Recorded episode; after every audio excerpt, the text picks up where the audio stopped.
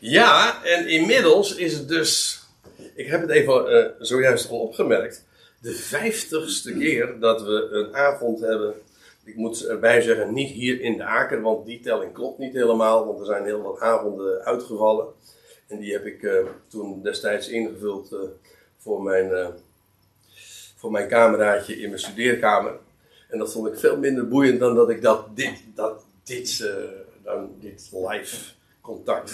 Want dit is het echte werk natuurlijk. Hè. Maar goed, eh, er zijn toen eh, heel wat zulke studies ook gegeven. Maar toch niettemin 50 studies daarover. En we gaan inmiddels dus.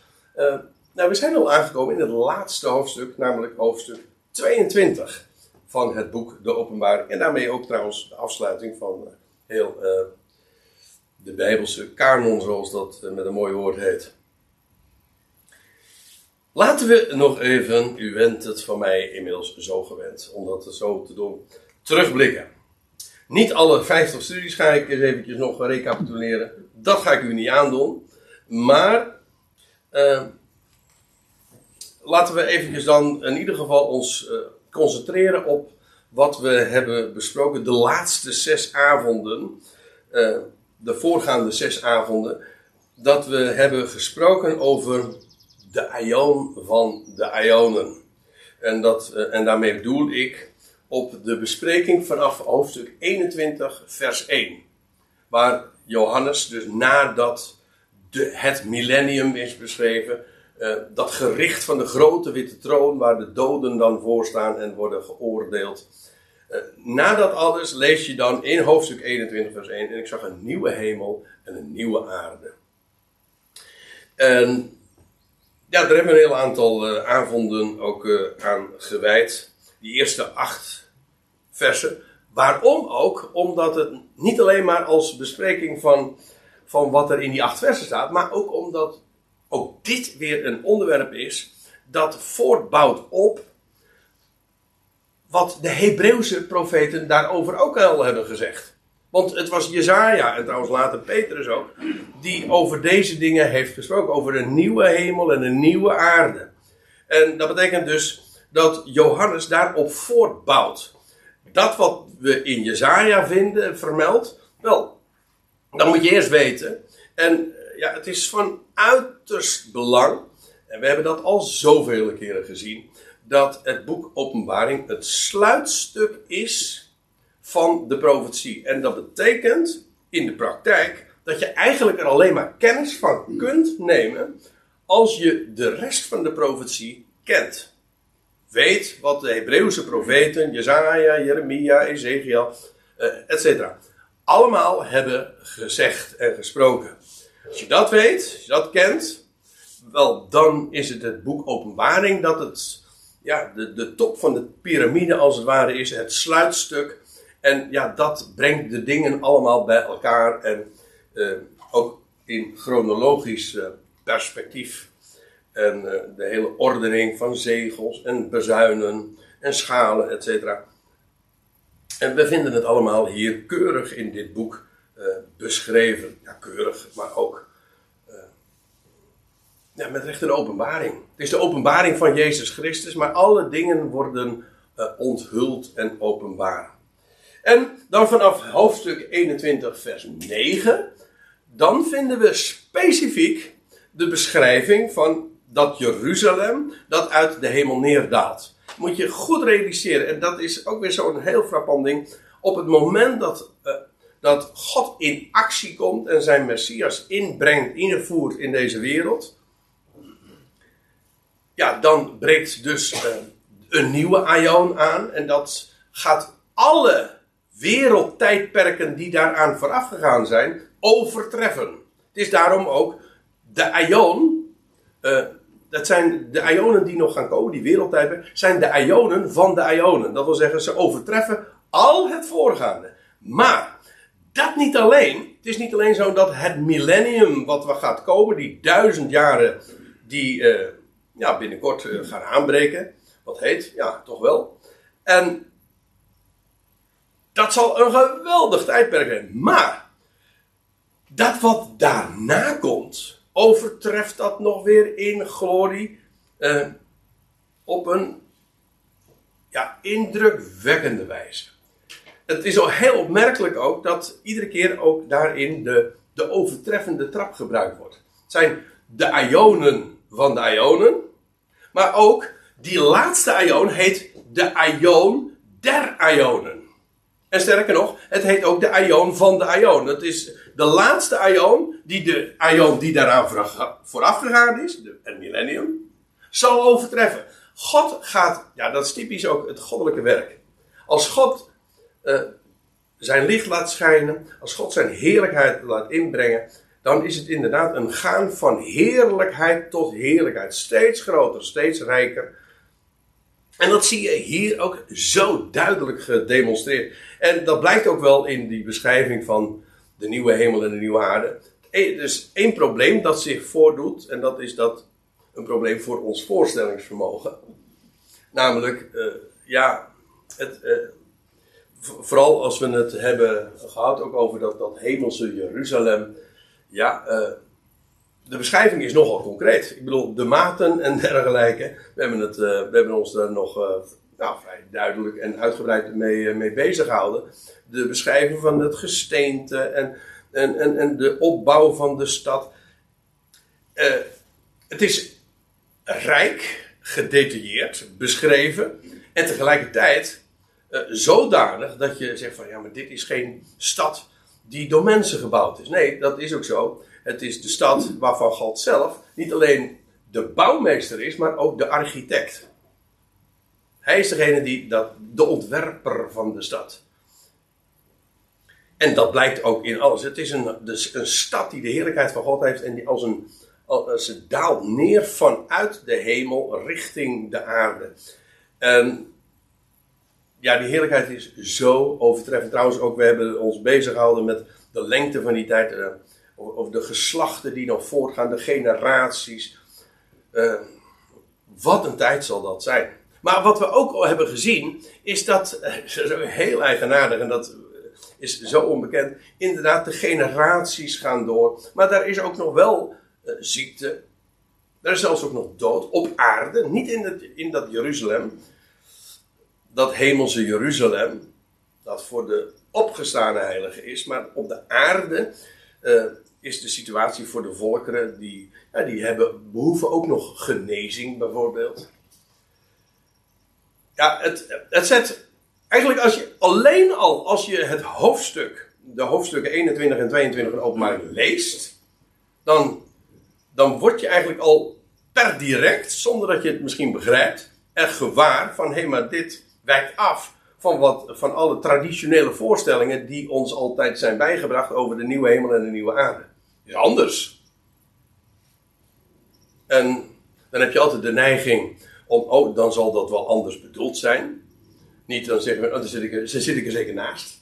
Nee, maar dat is ongeveer de laatste optie die je, waar je mee rekent. Dat is heel menselijk hoor, dat doen we allemaal. Maar uh, ja, de, de meest verstandige afslag die je kan nemen. Als, je, als dat niet matcht, dan kijk je nog, staat het recht? Ja, als het echt staat, nou, dan moet ik gewoon mijn inzichten kennelijk uh, bijstellen. En wat is het heerlijkste wat er is? Want dan word je hervormd, gereformeerd, als u het liever hebt, uh, in je denken. Ja.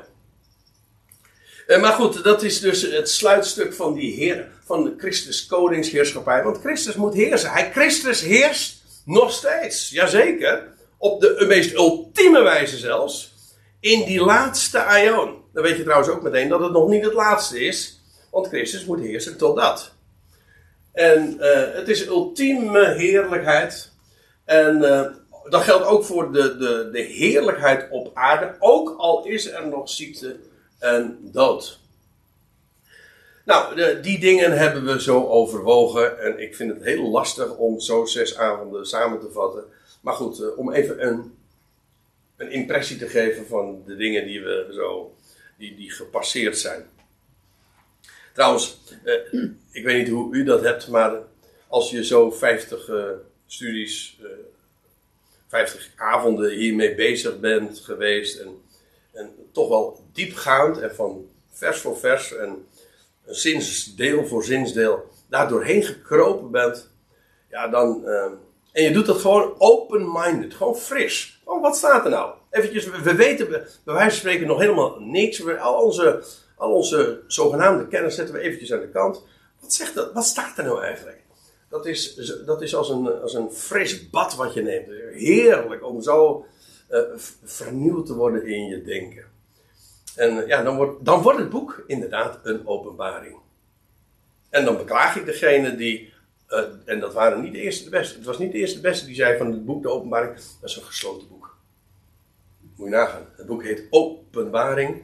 En men noemt het. Het was Calvijn trouwens die dat. Uh, een gesloten boek. Ja. Of dat iets zegt over het boek. Of over de beste man. Of zijn benadering. Dat is aan u. Ja.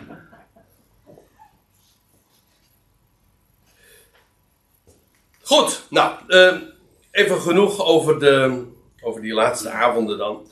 En ja, we zijn dus uh, aangekomen nu echt in het laatste gedeelte van, uh, van het boek. In feite is hiermee met 21 vers 5 is het, het hele profetische gedeelte afgesloten. Wat nu volgt is een, zoals dat deftig heet, een epiloog een nawoord. Een afsluiting van het boek. Het boek zelf is een afsluiting van de profetie. Ja, maar dit is, hier wordt alles nog eens even, nou niet zozeer op een rijtje gezet, als wel uh, een aantal uh, ja, belangwekkende dingen gezegd over, over de aard van het boek. Nou, laten we gewoon maar lezen, dan komen we zelf wel erachter wat, wat er nog zo gezegd en geschreven wordt. Er staat er in vers 6 dit. Dat was het nummer 1. Ja. Ga je nog wel een paar Ga jij turven dan? Ja. Goed. En hij zeide, en hij zei tot mij, uh, dat is, uh, die is lastig. Nou, je zou zeggen, die hoeft niet zo lastig te zijn. Want de eerste oplossing die je voor die vraag hebt, is uh, hij, nou moet je even terugkijken van over wie ging het? Wat was het onderwerp? Of was, wie, wie was degene met wie Johannes contact had? En dan kom je in hoofdstuk 22 vers 1. En dan blijkt het een engel, of, de, of zo je wilt, de boodschapper te zijn. Dat was een van die zeven boodschappers die de zeven schalen hadden. Dat was ook al in hoofdstuk 21 vers 9 gezegd. Dat ligt voor de hand. Maar uh, er is nog een optie, die misschien minder voor de hand ligt, maar als je even doorleest in vers 7, dan staat er van ik kom snel. Of in uw vertaling, ik kom spoedig. Waarover straks meer. En, maar dan is uh, het Christus zelf die aan het woord is. En eh, er, vindt geen overgang plaats. Het is niet zo van dat er een wisseling van personage is, of, of in ieder geval niet expliciet. Dus ja, de, de uitleggers die, die, ja, die, die stoeien daarover. Want hoe, hoe, hoe zit dat nou eigenlijk? er is nog een optie, en persoonlijk opteer ik daarvoor. Kijk, er zijn een heleboel dingen die klaar en helder zijn. Ook al zijn ze misschien heel erg afwijkend en staan ze diametraal op wat er altijd gezegd wordt, maar niettemin de tekst zelf is duidelijk. Uh, maar dit vind ik nou echt zo'n kwestie. Je zegt, ja, je moet goed lezen en hoe zit het nou? En ja, die hij, wie is dat? En ik, ik, draag gewoon drie antwoorden aan. En de eerste is dus dat het de boodschapper is van hoofdstuk 22 vers 1. De tweede optie is dat het Christus zelf is. En de derde optie is dat het. Dat, maar dan kies je niet. Dan zeg je dat het is beide. Het is namelijk de boodschapper die namens Christus spreekt. Namelijk als spreekbuis. waarbij, ik bedoel, die engel is dan de boodschapper, is de spreekbuis van Christus. Dan hoef je een keuze te maken. En. Uh, in, dan doe je namelijk. En, dan, het grote voordeel daarvan is. A, ik hoef dan geen keuze te maken. En B, doe je dan aan beide argumenten ook kun je gewoon dan eh, het volle gewicht toekennen. Dus eerlijk gezegd, ik denk inderdaad dat het hier de boodschapper is die namens Christus aan het woord is. Maar als u er anders over denkt, laat het me weten als u daar goede argumenten voor hebt. En ik beloof u, ik ga er geen ruzie over maken. Dat doen we trouwens toch niet, hè? Uh, we zijn aardige, vriendelijke mensen. Daar houden we het maar op. Oké, hij zei tot mij: uh, uh, Deze woorden zijn geloofwaardig en waarachtig. geloofwaardig, ja, we hadden het in de auto nog even over dat, dat Griekse woord. Dat in een ander verband heeft dat dan de betekenis van gelovig. En ja, maar als het over een woord gaat. Je, kijk, van een mens kun je zeggen dat hij eh, gelooft. Ja, in, in, in, in uh, een woord kan ook gelovend. Dat was in, maar dan in, vanuit de Griekse gedachte is dan uh, dat het geloofwaardig is. Het is betrouwbaar. Het is te vertrouwen. Het, het woord is trouw. En deze formulering en de nadruk die gelegd wordt op. Uh, de geloofwaardigheid en de waarachtigheid. Je kunt er van op aan. Waarom kun je er van op aan? Omdat het zuiver is. Het is waar. Dat zijn eh, in, in beide gevallen praat je over eigenschappen die, uh, die, in, uh, die van woorden die in de wereld circuleren en die dagelijks over ons heen gestort worden in de massacommunicatie meestal niet gezegd kan worden. Namelijk dat ze die zijn ongeloofwaardig en ze zijn onwaarachtig. Je wordt altijd om tuin geleid. En de grote vraag is dan altijd weer natuurlijk, hoe ga je daarmee om? En ik ken een hele goede oplossing daarvoor. Uh, namelijk niet. ja, ik hoorde gisteren nog iemand dat te verdedigen. Weet je wat de beste manier is om al die, sorry dat ik het zeg, shit, uh, aan je voorbij te laten gaan? Nou, aan je voorbij te laten gaan. En de tv en zo. Uh, en al, al, die, al die informatie, desinformatie, fake news, gewoon uh, te laten voor wat het is. Scheelt je trouwens ook een heleboel ergernis. Het geeft je trouwens ook nog een heleboel rust. En, uh, nou ja. En, en, en bovendien, en wij hebben nog een goede reden om die houding aan te nemen ten opzichte van de woorden van deze wereld. Want ja, want anders, anders sta je altijd weer voor het punt van, ja, dan moet je uit gaan zoeken van wat, wat klopt nou wel en wat klopt niet. Nou, dat is een, een hell of a job. Hè. Dat is een heel moeilijk ding om daarachter uh, proberen te komen. Maar wij hebben een hele goede reden om die houding aan te nemen. En dat is, wij hebben zulke woorden tot onze beschikking die volstrekt geloofwaardig en waarachtig zijn. Waar je werkelijk van op aan kan. Die je rust geven. Die je werkelijk informeren. Die je zicht geven. Die je uitzicht geven. Dan denk je, ja, wat, wat zal ik gaan tobben? Met al die onzin dan. En ja, nou, in, ik weet het. Ik zeg het misschien wat ongenuanceerd. En, want u zegt nu van, zojuist van. Je hebt net toch ook wat uh, uit het nieuws eruit gelicht. Jawel. Maar kijk uit. Kijk uit. En, eh, en hiervan kan ik inderdaad zeggen: dit is het. Dit is werkelijk zo geloofwaardig en waarachtig. Heerlijk dat je, dat je in een. Uh, ja, dat we, dat we zo'n woord hebben. En, en, en, en, tot Johannes wordt dit gezegd. Deze woorden zijn geloofwaardig en waarachtig. In uh, hoofdstuk 21 was, stond iets soortgelijks. En hij, dan gaat het over, de, over die nieuwe hemel en de nieuwe aarde. En dan staat er, en hij, God, die op de troon zit, die zei: Let op, ik maak ik maak alles nieuw. Schrijf op dat deze woorden, en dan krijg je dezelfde gedachte, dezelfde formulering zelfs, die geloofwaardig en waarachtig zijn. En daarom moest het ook genoteerd worden. Het moet zwart op wit staan. Ja, het kan je, je kan ook liegen dat het gedrukt is. Maar dit is juist, dit wordt genoteerd, omdat het geloofwaardig en waarachtig is. Dus ja, dat wordt sterk benadrukt in dit hoofdstuk.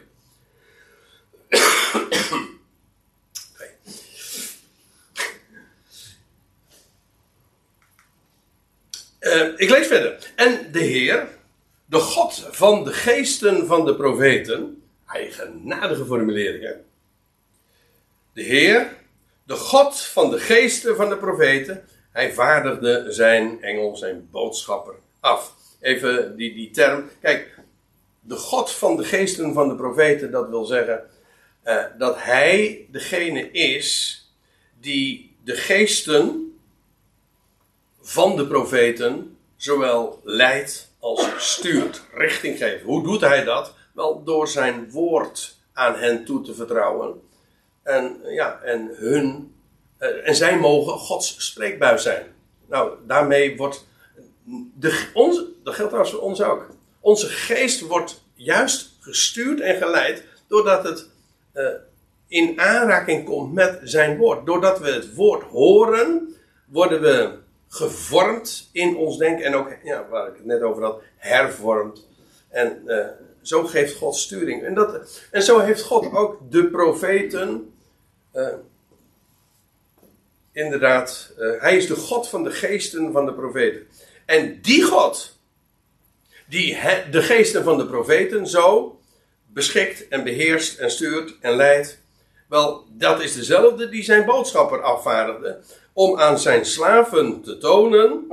Grappige. Uh, het, het, woord slaven bij ons. In de MBG-vertaling staat trouwens knechten. Maar staat, er staat slaven. Ja. Maar uh, ik, ik, ja, ik vind uh, grappig dat bij ons het woord slaven natuurlijk een, een uiterst negatief woord is geworden. Ik las gisteren, op de NOS-site, ja, uh, dat de, ook in de dove taal wordt, wordt steeds inclusiever. Heb je het gezien? Ja, die wordt steeds inclusiever en allerlei e elementen ja, goh, die eventueel discriminerend zouden kunnen zijn, die worden dan weggehaald. Een, een, ik begreep dus dat uh, Chinezen in, het, in, in, de, in de, uh, in de dove taal, dat was vroeger dit en nu hebben ze. Ja. Uh, maar dat mag niet, want dat is discriminerend. Waarom, dat snap ik ook niet. Maar goed, dat mag niet meer zo gezegd worden. Maar er was ook, het woord slaaf wordt ook niet meer gebruikt.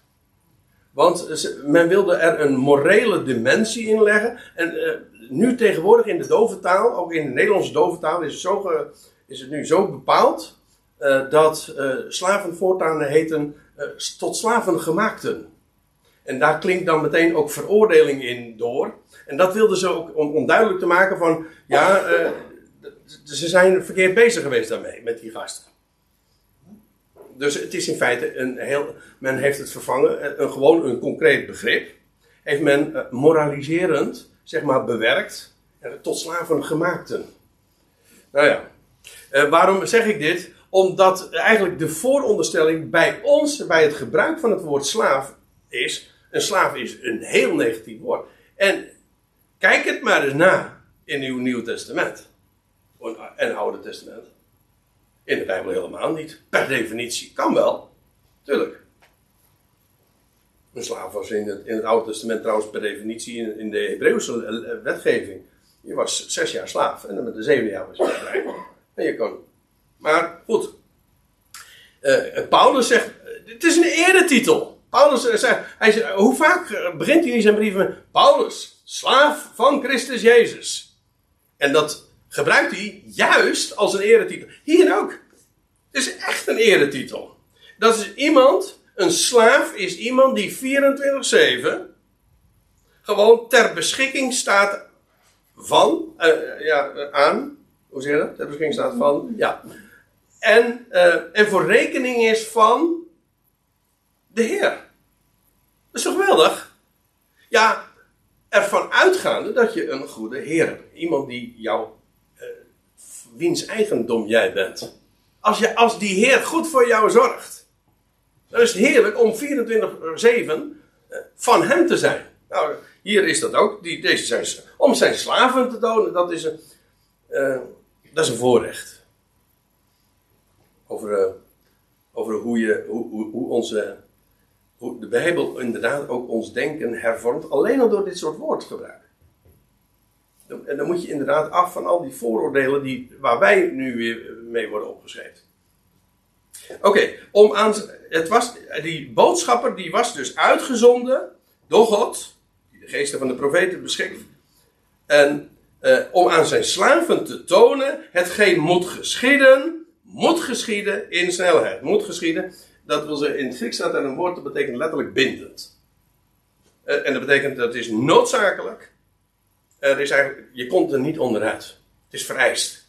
Het moet. Er zijn dingen, de dingen die in de openbaring eh, beschreven worden, zijn niet optioneel. Nee, ze zijn bindend. Het moet zo geschieden. Dus wat Johannes uh, is getoond, en wat Johannes vervolgens heeft opgetekend, is vast en betrouwbaar. Ja, het moet geschieden. Dat is de enige wijze waarop God uh, in snelheid van de ene aion naar de andere gaat. En dat is uh, waar het ook. Het moet zo geschieden. En het gebeurt in snelheid. Ja, die, die, daar moeten we toch eventjes op inzoomen. Want ik vind, hij is wel boeiend hoor. Hij is echt heel boeiend. Want hier staat in het Grieks het woordje tagos. En ja, dat betekent letterlijk snel. Je komt het bijvoorbeeld tegen. Uh, het is uh, net Pasen geweest. En uh, afgelopen, ja, afgelopen zondag heb ik nog een mooi nummer gehoord over, over Petrus en Johannes. Die naar het graf gingen. En van Don Francisco werd dat lied ten gehore gebracht. Een heel aantal van u waren daar natuurlijk ook bij in de samenkomst in Rotterdam. En daar wordt beschreven hoe Johannes en Petrus naar het graf toe rennen. En dan lees je in vers 4 van Johannes 20: En de twee nu renden samen. En de andere discipel, ehm, en dat is Johannes zelf in dit geval, die zichzelf altijd zo onherkenbaar mogelijk maakt de andere discipel, liep sneller vooruit dan Petrus. En hij kwam als eerste bij het graf. Nou, hier wordt weer alleen dan de overtreffende trap, of de vergrotende trap, uh, gebruikt uh, van Tachos. Sneller. Hij liep sneller. En ja, die is heel boeiend. Kijk, het idee is niet dat het gauw gebeurt. Het idee, het gebeurt in snelheid. Als het en wanneer het geschiet, dan zal het in snelheid plaatsvinden. Dat is een heel andere gedachte dan die door de meeste vertalingen worden opgeroepen. Die, de dingen die wel dragen moeten gezien, dat betekent dan gewoon heel gauw. Ik zeg niet dat de gedachte helemaal onjuist is, maar die zit niet in het woordje uh, zelf. Het betekent namelijk in snelheid. En je ziet dat uh, trouwens in de volgende zinsdeel, of ja, zinsdeel ook in vers 7. En let op!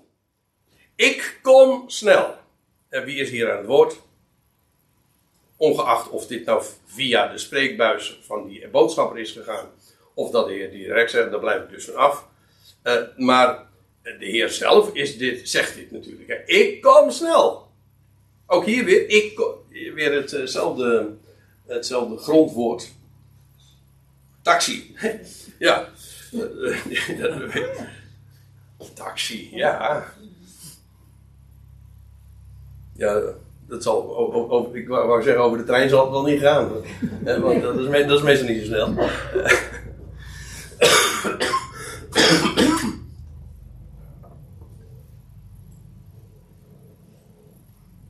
We zijn er nog niet, maar uh, goed. Oké, okay, uh, ja, dat de Heer dat zo zegt, ik kom snel. Ja, en dat betekent dus inderdaad, de gedachte is, zoals je dit op het plaatje ziet, met haast namelijk. Dat als hij komt, dan zal dat zijn met haast. In snelheid zal dat alles zich gaan voltrekken. De dingen die in openbaar, ook dat geldt ook voor de gerichten, dat gebeurt met vaart dat heeft er ook mee te maken, we hebben het er volgens mij wel eens vaker ook over gehad, dat, uh, dat uh, God, uh, het oordelen voor God, een, zo staat het in een klaag, klaaglieder, eigenlijk vreemd is aan hem. Hij doet, dat, hij doet dat liever niet. En als hij het doet, doet hij daarom snel. En daarom staat er ook in de psalmen, ik, ik mag het graag aanhalen, een ogenblik duurt zijn toorn. een leven lang zijn goede tierenheid. Kijk, dat zijn de verhoudingen. En ook to toorn en gericht en de dingen pijnlijk op zijn, eh, zijn plek zetten. Het is noodzakelijk, maar het gaat om dat dat niet hetgeen is God, wat God op het oog heeft. Doet hij dat in snelheid. Als het gebeurt, dan gebeurt het snel. Dat is trouwens heel opvallend. Kijk maar eens naar, naar die, ook, ook de grote gerichten die je in de Bijbel vindt.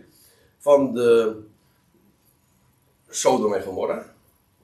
Dat gericht, of eh, denk aan uh, de zondvloed.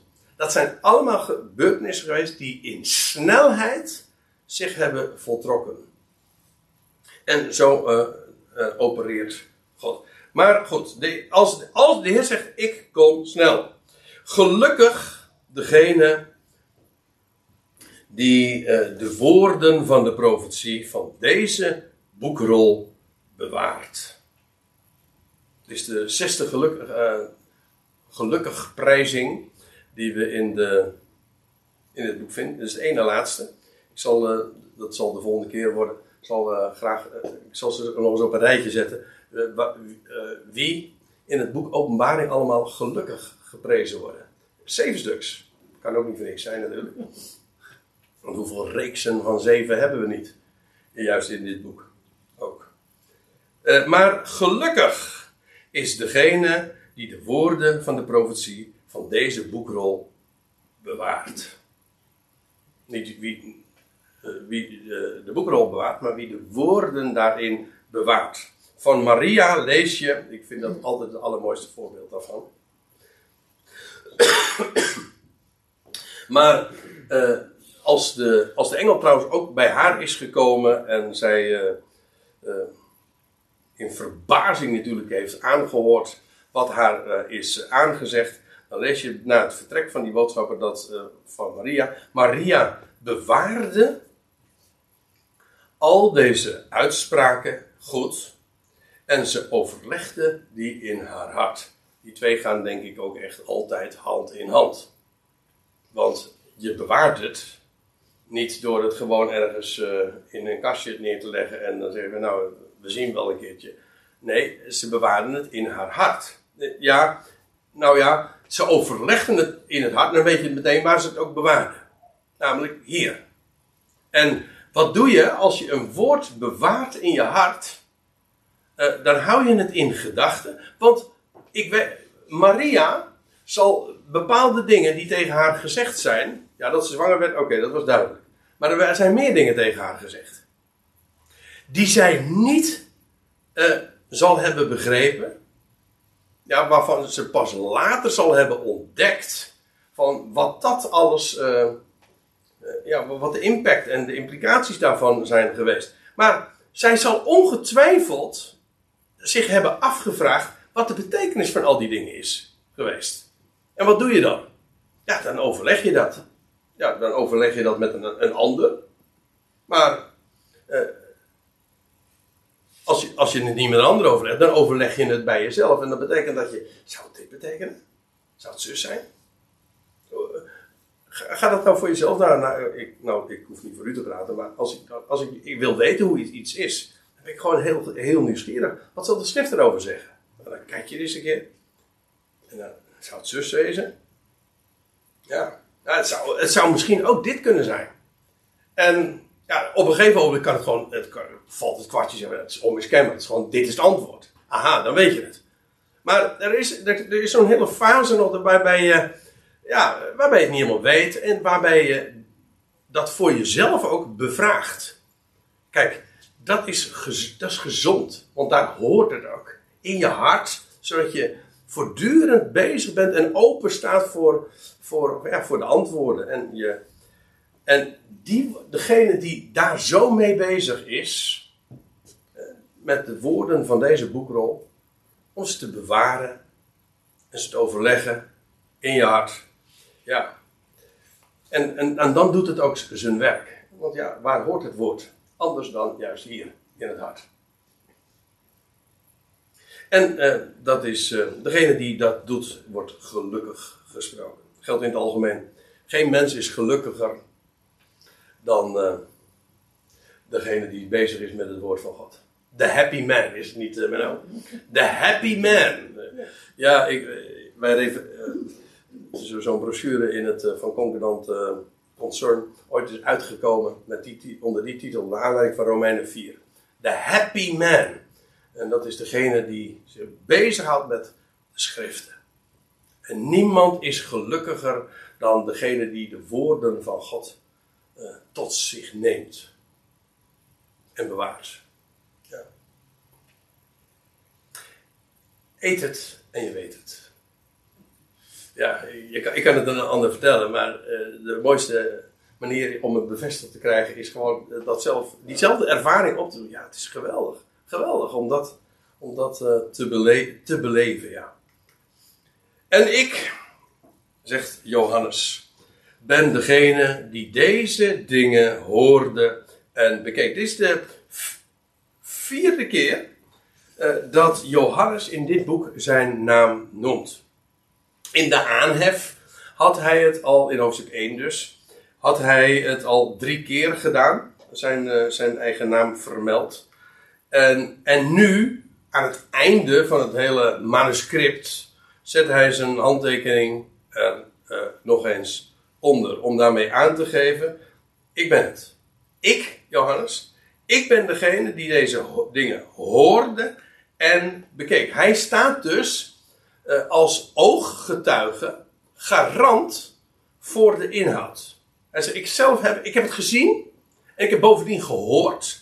Kortom, de, de belangrijkste uh, zintuigen die je, die je gebruikt voor het opnemen van informatie, wel, die zijn, uh, die zijn gebruikt. De ogen en de oren. Hij zegt, Johannes, hij, hij, heeft het gezien. Hij was, we hebben het toch ooit, in hoofdstuk 1, vers 10 hebben we het al uh, toen gelezen dat Johannes zegt, ik, was in, ik kwam in de geest in de dag des Heren. Hij is gewoon, ja, gewoon, zo gewoon vind ik het niet. Uh, maar hij is verplaatst in een hele andere tijd. Hij is gewoon in, de dag van de Heer en hij heeft daar rondgekeken. Zo stel ik het me dan voor. Hij heeft dingen gezien, hij heeft dingen gehoord. Nou, wat heeft hij allemaal niet gezien? Die, dingen zelfs die hij heel moeilijk kon beschrijven. Het zag eruit als, maar hij kon het niet thuisbrengen. Ja, maar hij heeft het gezien. Met zijn eigen ogen. En hij heeft het zelf gehoord. En Johannes zegt nu van, ja, ik sta ervoor garant dat ik zelf deze dingen heb, heb, uh, heb gezien en gehoord. En voor de betrouwbaarheid staat hij in.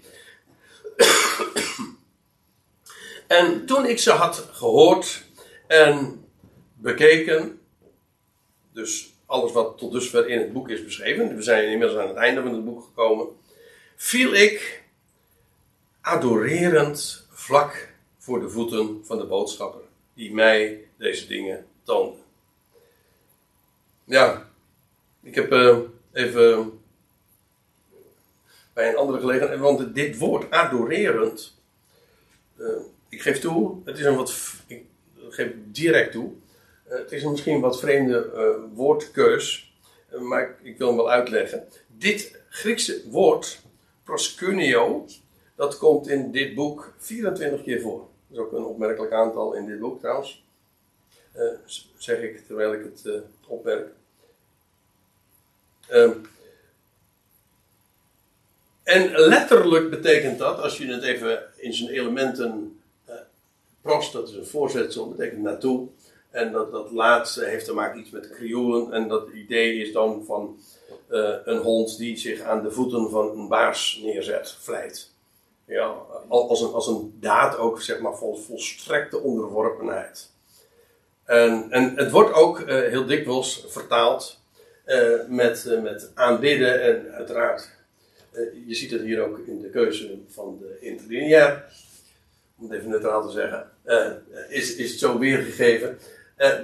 ik, ik, heb er, ik heb er ook voor gekozen om, in de, of me afgevraagd is dat misschien het woord, ik heb hiervoor gekozen omdat ik, omdat ik even het onderscheid wil maken dat het woord niet per se duidt op goddelijke aanbidding. Ook in dit boek zie je dat al. Je leest uh, dat, dat uh, van de tegenstanders in hoofdstuk 3, vers 9, dat uh, uit de synagoge van de Satan, en dan zegt de Heer van, zij zullen komen en ze zullen zich adorerend voor uw voeten neerleggen. En dan gaat het dus niet om goddelijke aanbidding. Maar het, is, het, het, het, duidt, wel inderdaad op ja, adoratie. dus volstrekte onderwerping. En uh, in de absolute zin komt het uiteraard alleen aan God toe. Maar vandaar dus uh, dat ik dat, dat verschil maak. als, Johannes, als Johannes deze dingen heeft opgemerkt, gezien, gehoord ja, je kun, je voorstellen, hij is zo diep onder de indruk. Kun je je voorstellen wat hij allemaal heeft, wat hij heeft meegemaakt en nu inmiddels ook heeft, ook heeft opgedekt. Hij zegt, toen ik dat had gehoord en bekeek, viel ik adoreren vlak voor de voeten van die boodschapper die mij deze dingen toonden. Natuurlijk, kijk, Johannes was, al was het maar al, omdat hij zelf een Jood was, die wist maar al te goed dat er maar één God is die men zou aanbidden. Maar hij is zo onder de indruk, dus wat die engel, die boodschapper hem getoond heeft, dus dit was zijn directe reactie. Maar die boodschapper, die dan vervolgens, die wijst dat uh, beslist van de hand. Die zegt, zie, nee, nee. Zo staat het letterlijk zelfs. Uh, kijk. Doe dat dus niet. Als je goed kijkt, dan weet je meteen dat je het niet moet doen. Uh, want hij, en hij, het trouwens ook meteen. Hij zegt, ik ben een medeslaaf. Met andere woorden, ik ben net als jij een slaaf. Nee, dat is, wat dus ook een eretitel is, dat wel. Maar uh, ook niet meer dan dat. Hè? En ik, ik ben een medeslaaf van u en, en van uw broeders, de profeten. Van uw, broer, uw broeders, Johannes, jouw broeders, wie? De profeten. hey, dan weet je meteen ook dat uh, Johannes hier in de rij gezet wordt van de profeten. Hij staat gewoon in de rij van Jezaja, en Daniel, en Ezekiel, en Zacharia, en Malachi. Noem ze maar op. In dat rijtje uh, neemt Johannes hier ook plaats. En zo wordt hij nu ook aangesproken. Hij zegt, ik ben, ik ben een medeslaaf. Uh, en ook van jouw broeders, wie? Nou, de profeten, die net als jij ooit ook uh, geprofeteerd hebben. Hebben voorzegd en dat hebben opgetekend. En ja, daar komt trouwens bij dat dit boek zelfs. Het is niet, hij is niet alleen maar. Hij, hij, is, hij sluit zich niet alleen maar aan in de rij van de profeten. Hij is zelfs eigenlijk afsluitend. Zijn boek is het laatste. In alle manuscripten is het boek van, de, van het Nieuwe Testament. Is het boek de Openbaring het laatste boek. Wat niet zo gek is. Nee.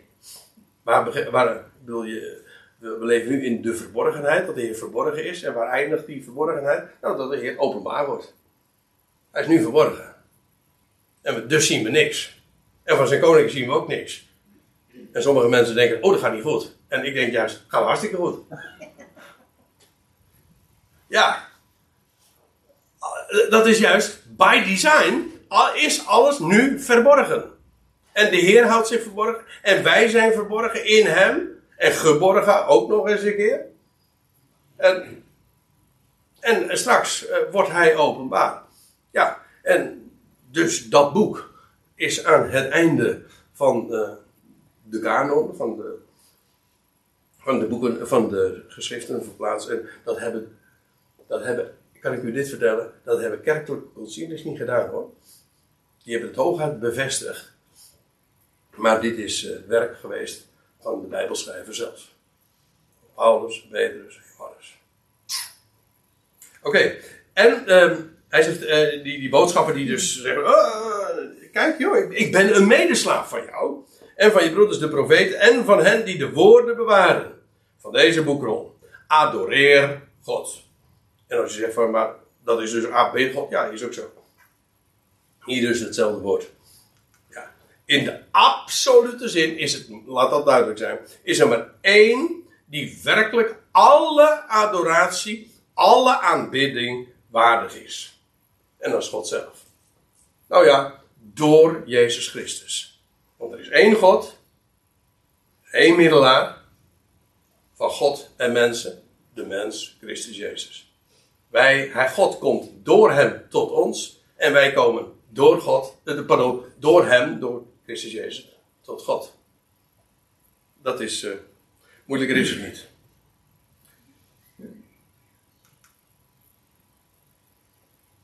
We zouden nu verder kunnen gaan met vers 10, maar ik denk dat we er beter aan doen nu te gaan pauzeren. En uh, vers 10 en de rest te reserveren voor na de pauze. Zullen we het hier even bij laten dan?